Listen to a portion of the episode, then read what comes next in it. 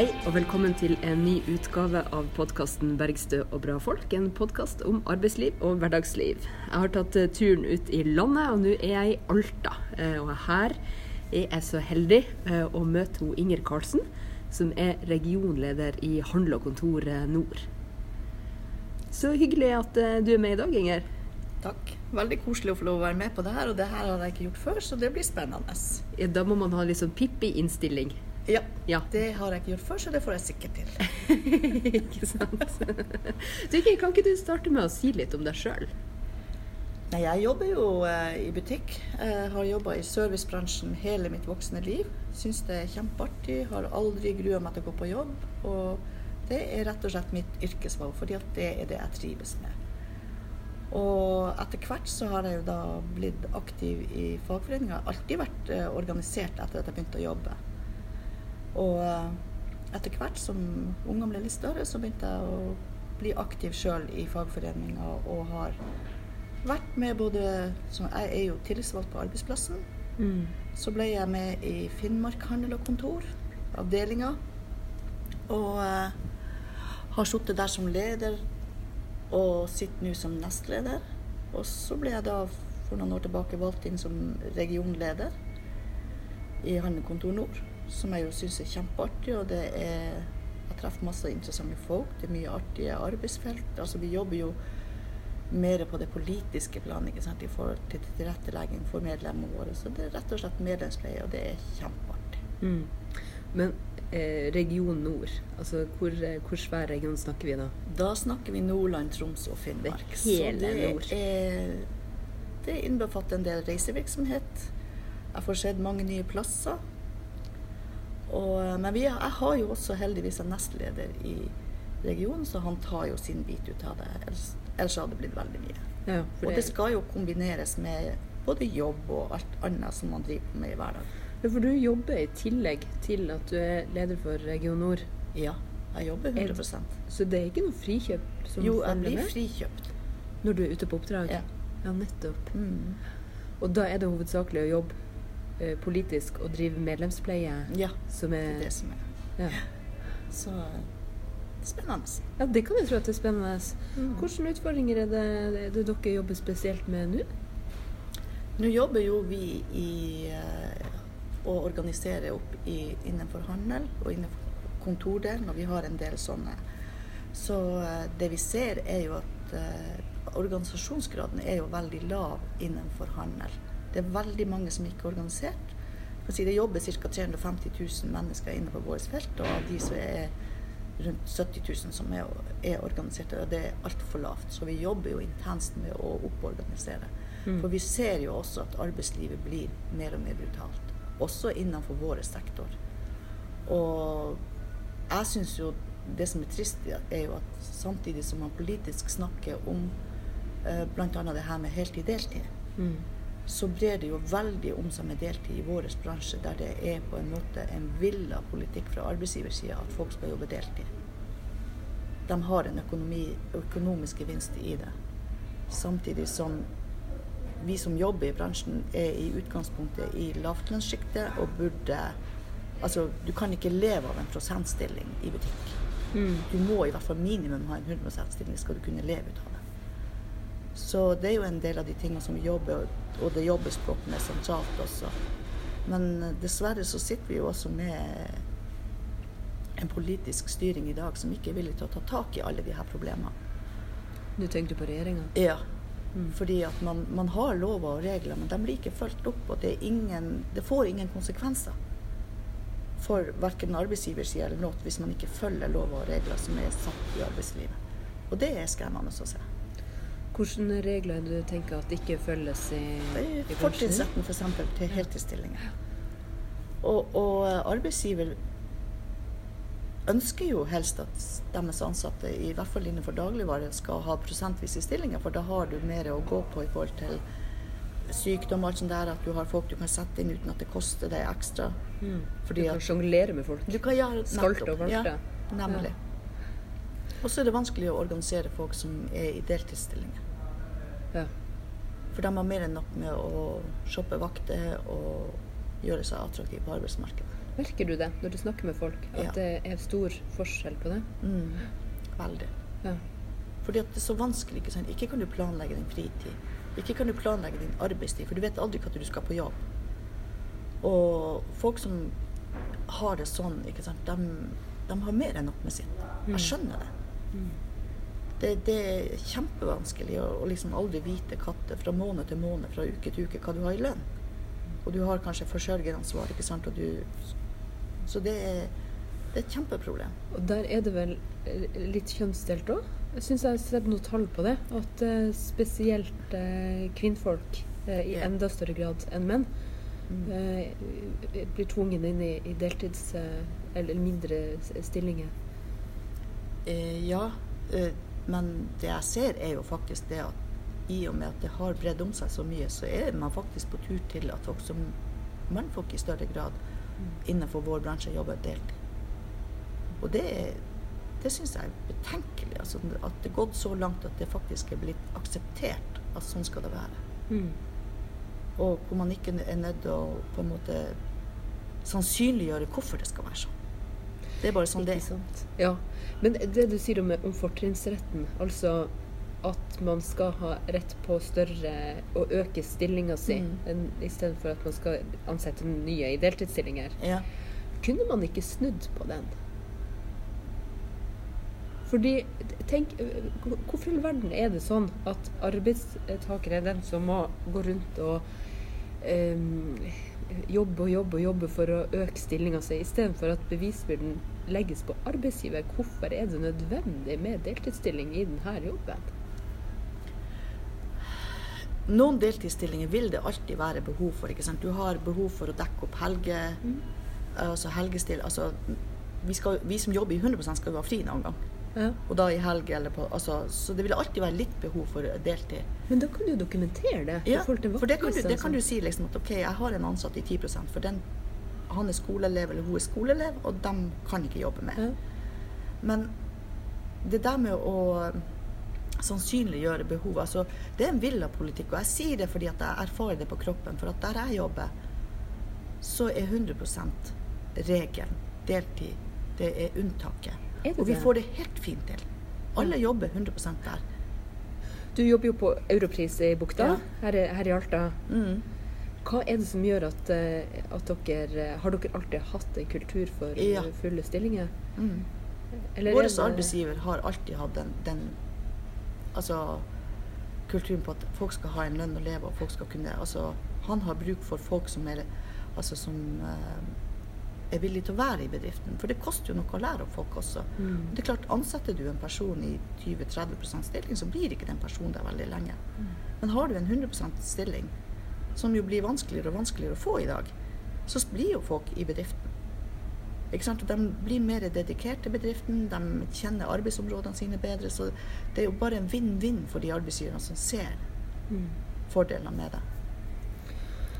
Ja, det er noe som heter 'if you pay peanuts, you get monkeys'. Mm. Og det, og det er jo motsatt, da. Hvis Ja. du tar vare på folk og man har bra på jobben, så, Ja. så blir Og det, det er viktig. Og det er som jeg sier, jeg har jobba på den bedriften der i 20 år. Jeg hadde 20-årsjubileum nå i høst. Har du jobba der i 20 år? Ja. Gratulerer! Så, og det er jo fordi jeg trives. Jeg gleder meg til hver dag jeg går på jobb, og jeg har ei lønn jeg kan leve av. Og alt det der har jo betydning for om du blir i en bedrift eller ikke, og, og hvilke holdninger arbeidsgiveren din har. Mm. Og at du merker at du blir verdsatt, ikke sant, og alt det der. Det har så stor betydning. Hvilken arbeidstid du har?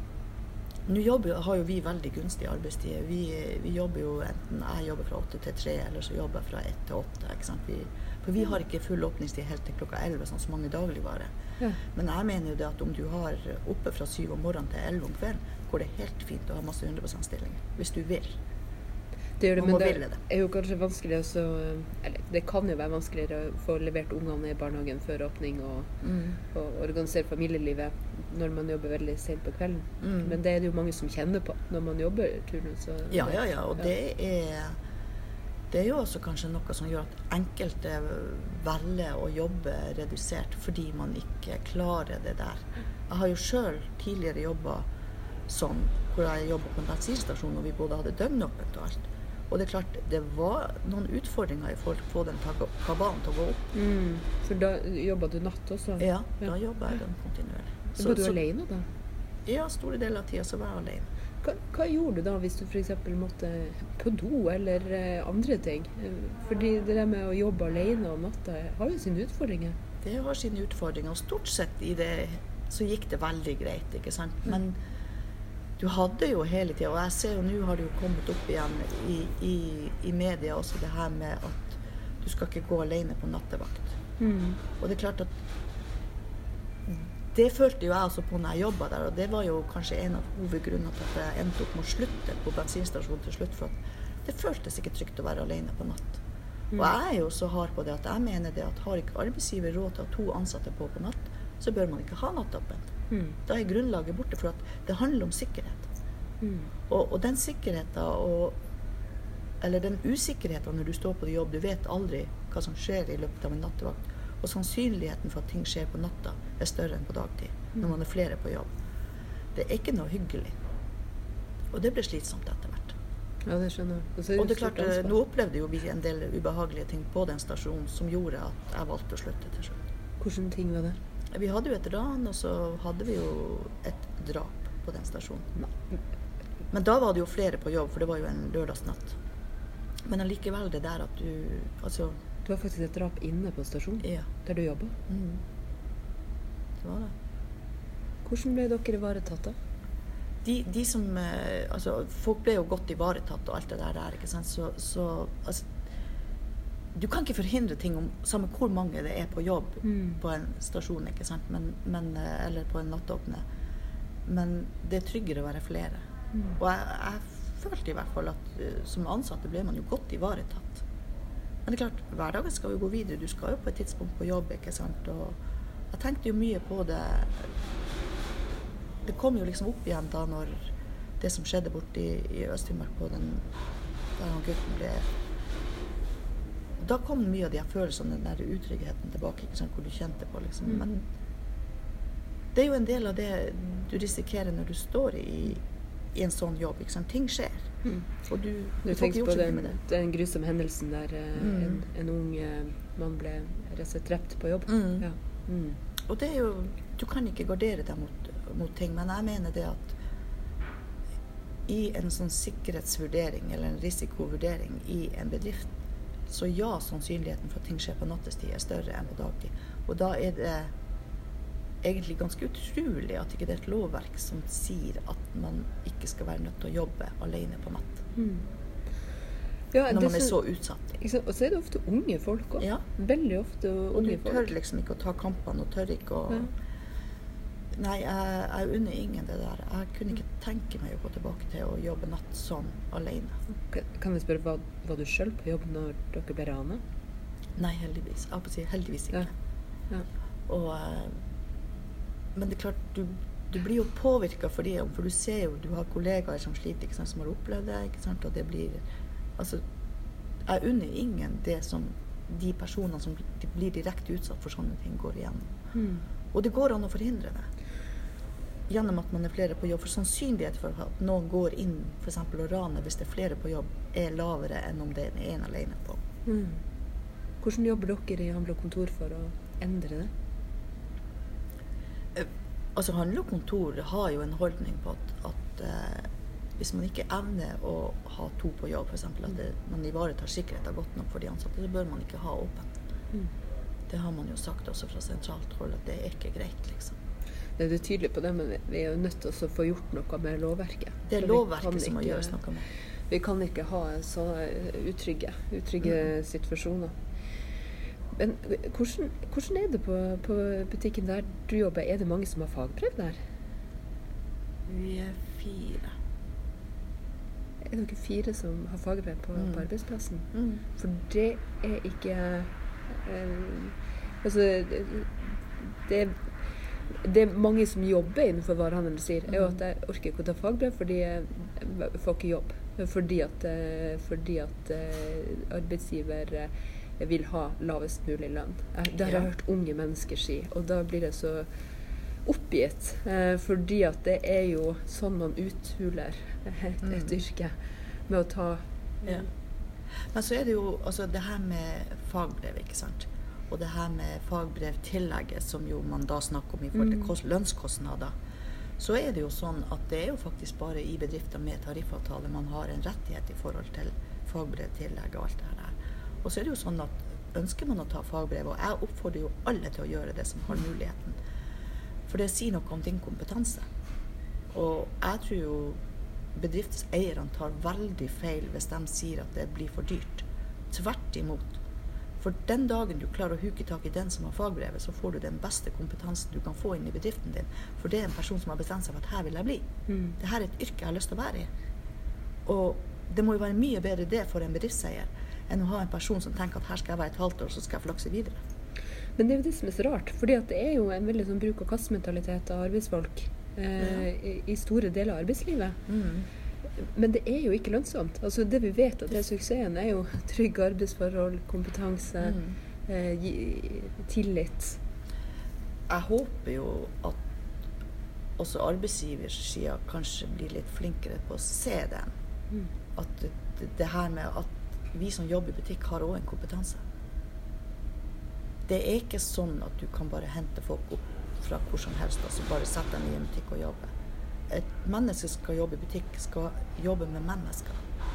Og det, alle passer ikke til sånne jobber. Altså, noen er flinke på å sitte på et kontor og gjøre en jobb der, og noen er flinke i butikk. ikke sant? Det er, vi er så forskjellige alle sammen. Men jeg tenker jo det at du, du får de mest dedikerte ansatte. Det er de som faktisk har valgt det yrket fordi de trives i det.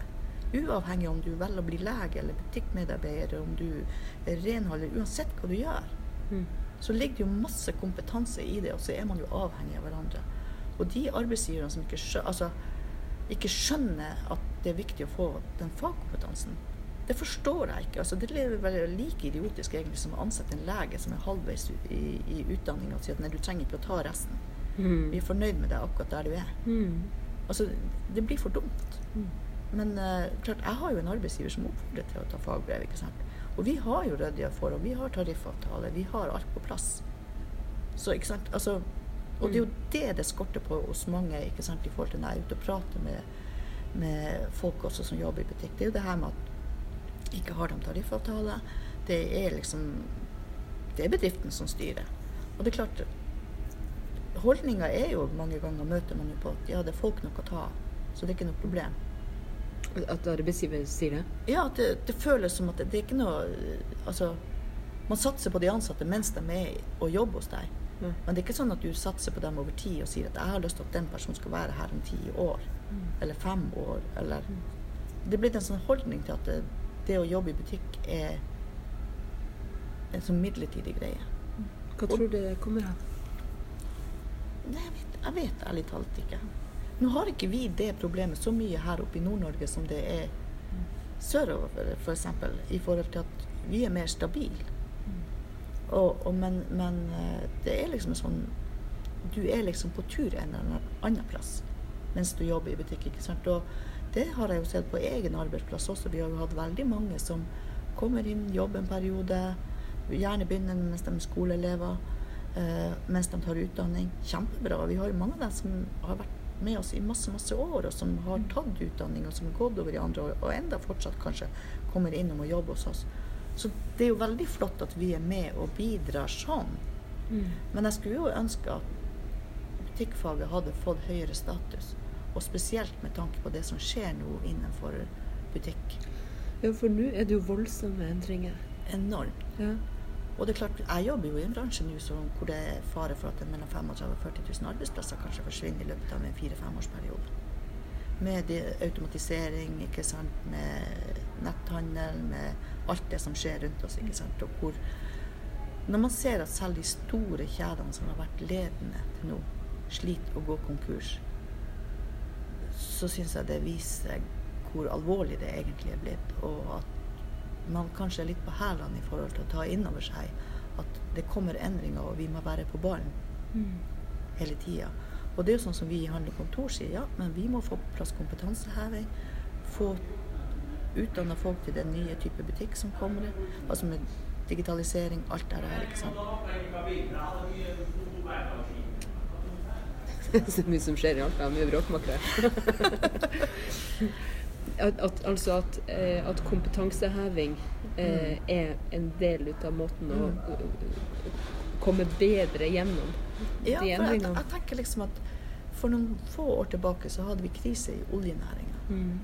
Og hvor man gikk all in ikke sant, for å sørge for at konsekvensene av den krisa ble minst mulig. Man eh, satte i gang tiltak, ikke sant. Man i videre etterutdanning, omskolering for de her som Og, og all ære for det.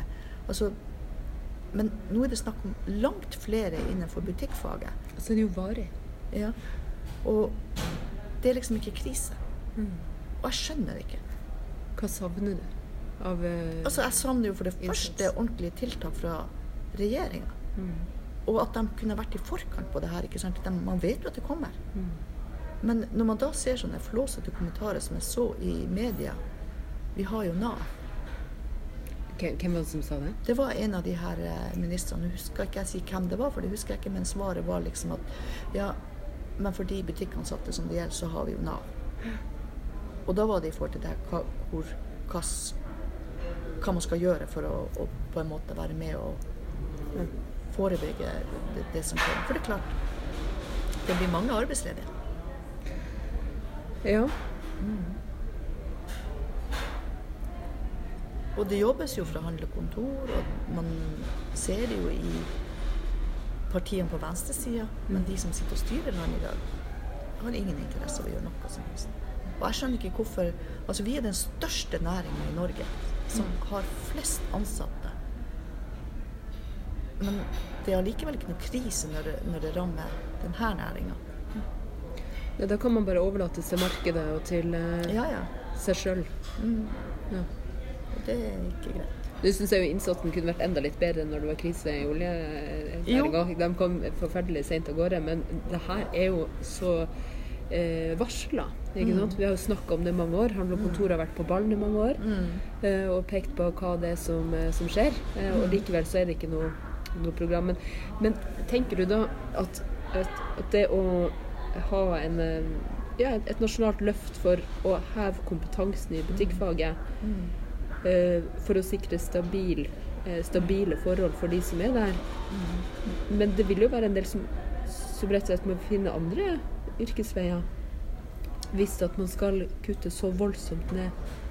Altså, I handel og kontor så har vi sagt, og vi sier fortsatt, de endringene som kommer, skal vi være med på. Mm. Altså vi, kan ikke sette oss, ja, vi kan ikke sette oss på bakbeina og si at nei, det her vil vi ikke. For det toget er starta å rulle, og det går. Og da må vi være på ballen og se hva kan vi gjøre. Og, og der jobbes det jo godt sentralt ikke sant, i forhold til at man er på. ikke sant. Eh, Et eksempel er jo det der lageret som man bygde, Coop-lageret.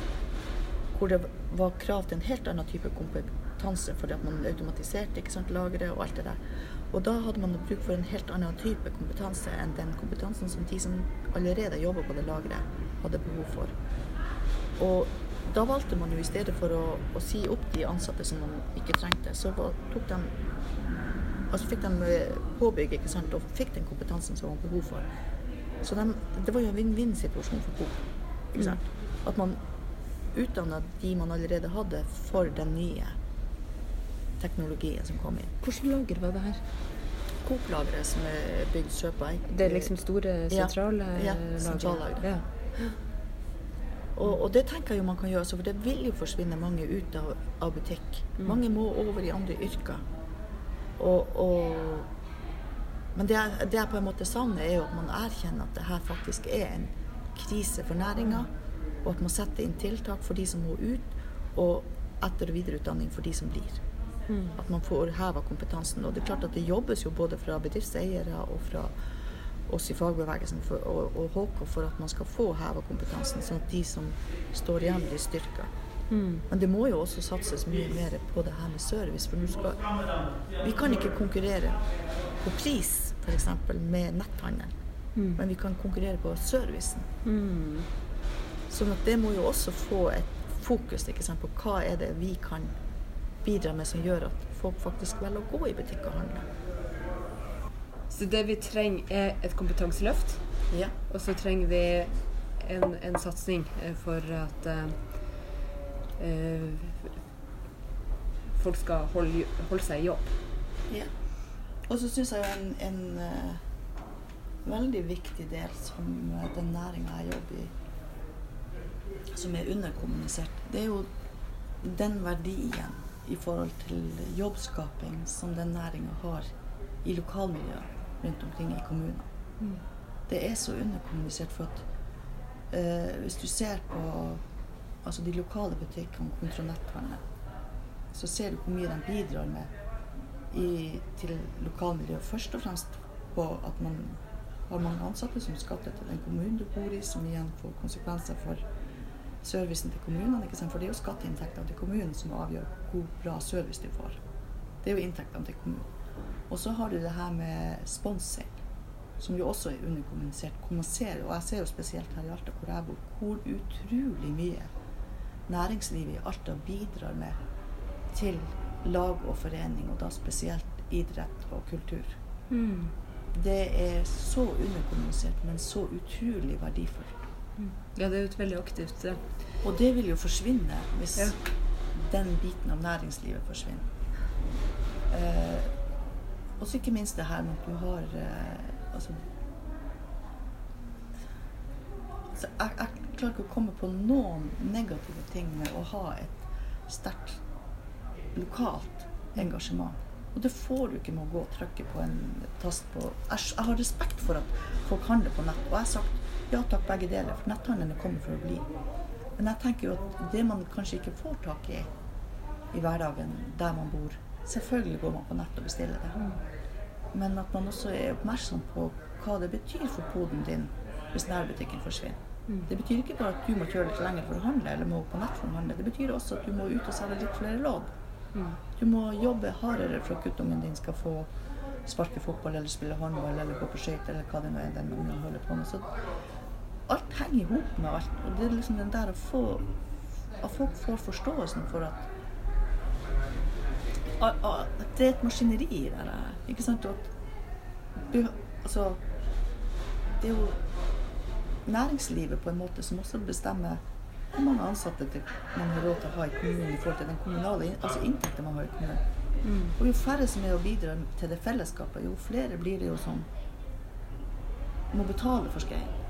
Altså det, alt henger i hop, liksom. Og det der eh, jeg synes det er så, altså, Hver gang jeg ser etter butikker eller bedrifter som går konkurs, og tenker at ja, det handler ikke bare om de arbeidsplassene som blir borte. Det handler om mye mer. Det handler om hvordan rammer det lokalsamfunnet. Og det snakker man som oftest bare om når det er store konsern som går Sånn som f.eks. Syd-Varanger. Da ser man at ok, det her får jo konsekvenser. Ja, når det er hjørnesteinsbedrifter. Ja. Ja. Men det får faktisk også konsekvenser når de er små. ja, visst gjør det det. Mm. Visst gjør det. Så det å handle lokalt eh, er en, en større investering En, uh... Ja, for det er faktisk på en måte Jeg tenker det at å handle lokalt for meg, det er også hjelp til selgeren.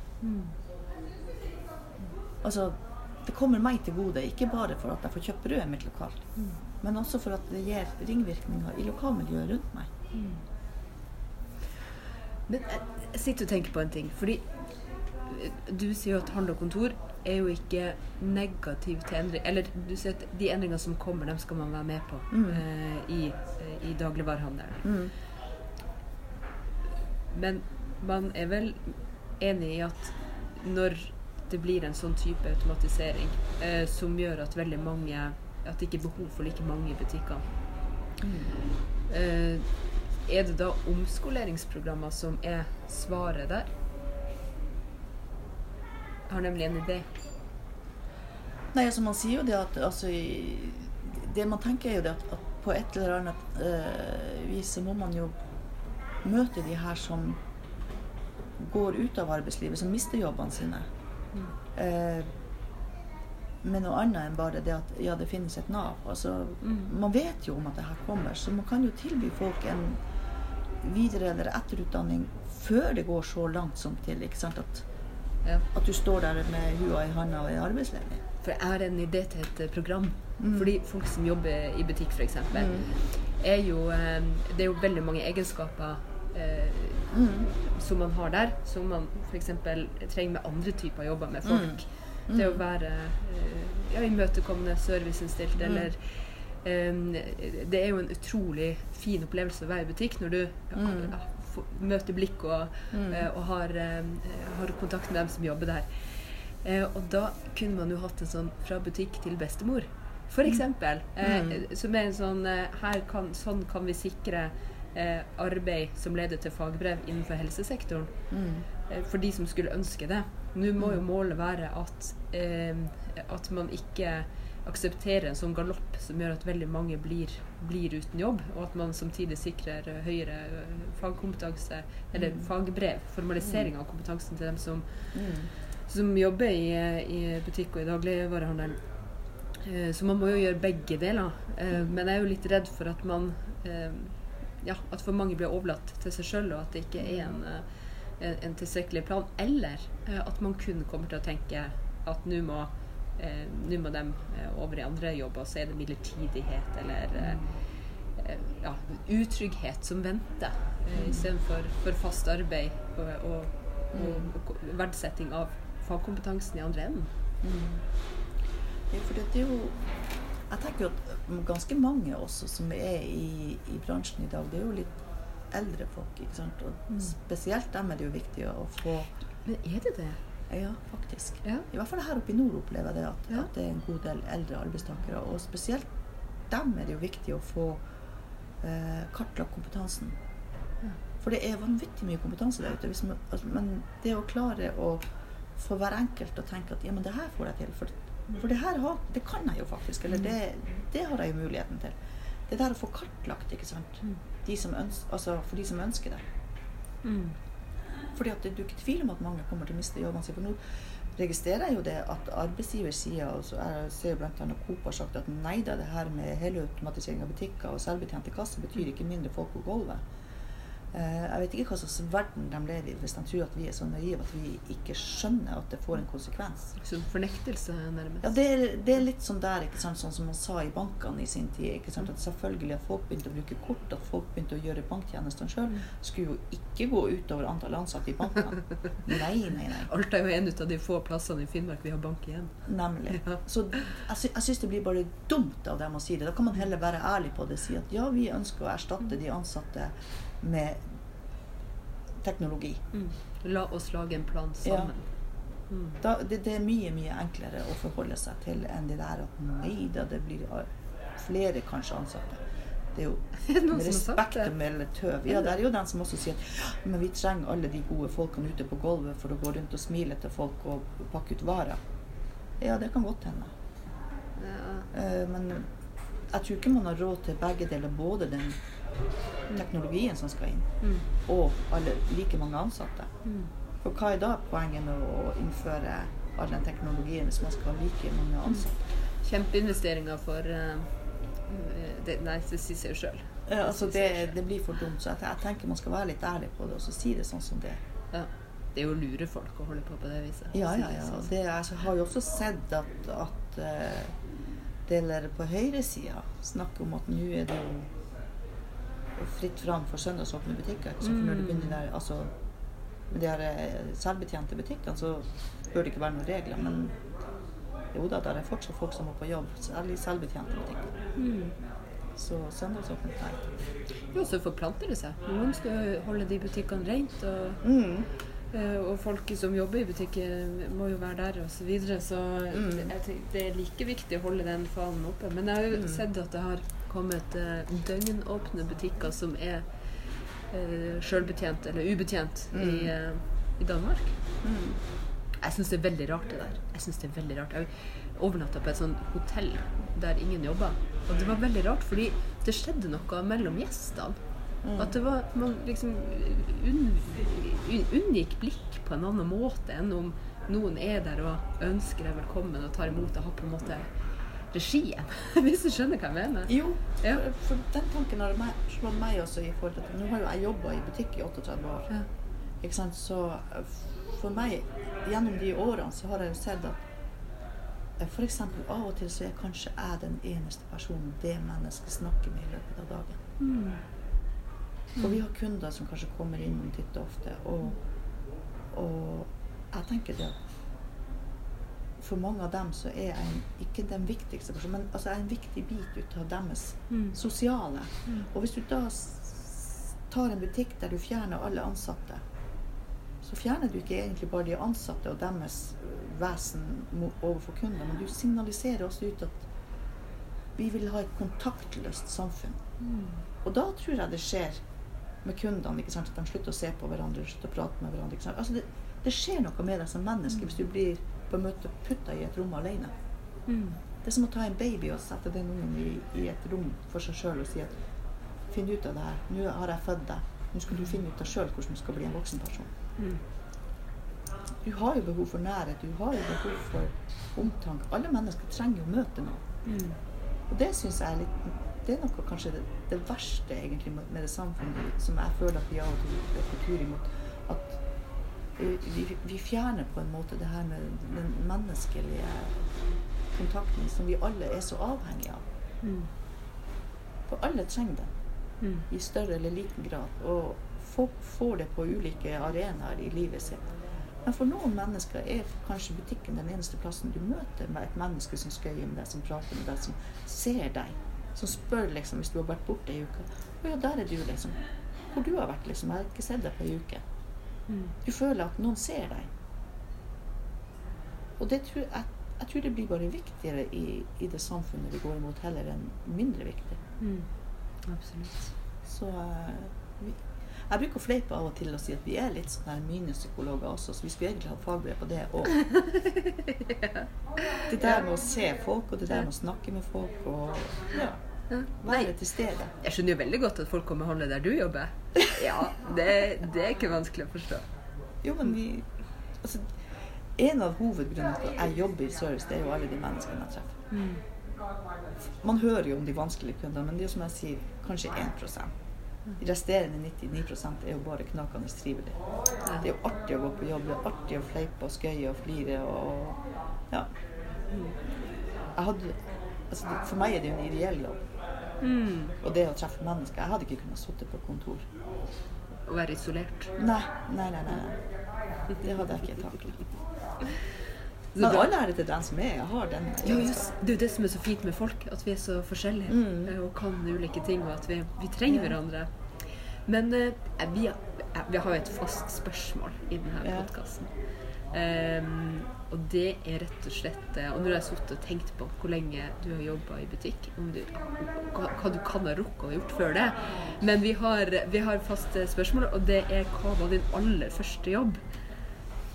Jo, du, det var faktisk eh, Når jeg var 16 år, det, det var den sommeren før jeg begynte på det som den gang het gymnaset. Ja, Da jobba jeg på fiskebruk i to måneder. På fiskebruk her i Alta, eller? I, Alta kommune, ja, ute i Kvalfjord heter den plassen. Ja, det er veldig flott. Ja, Ja. Da jobba jeg to måneder der på fiskebruk. Hva var det du gjorde der?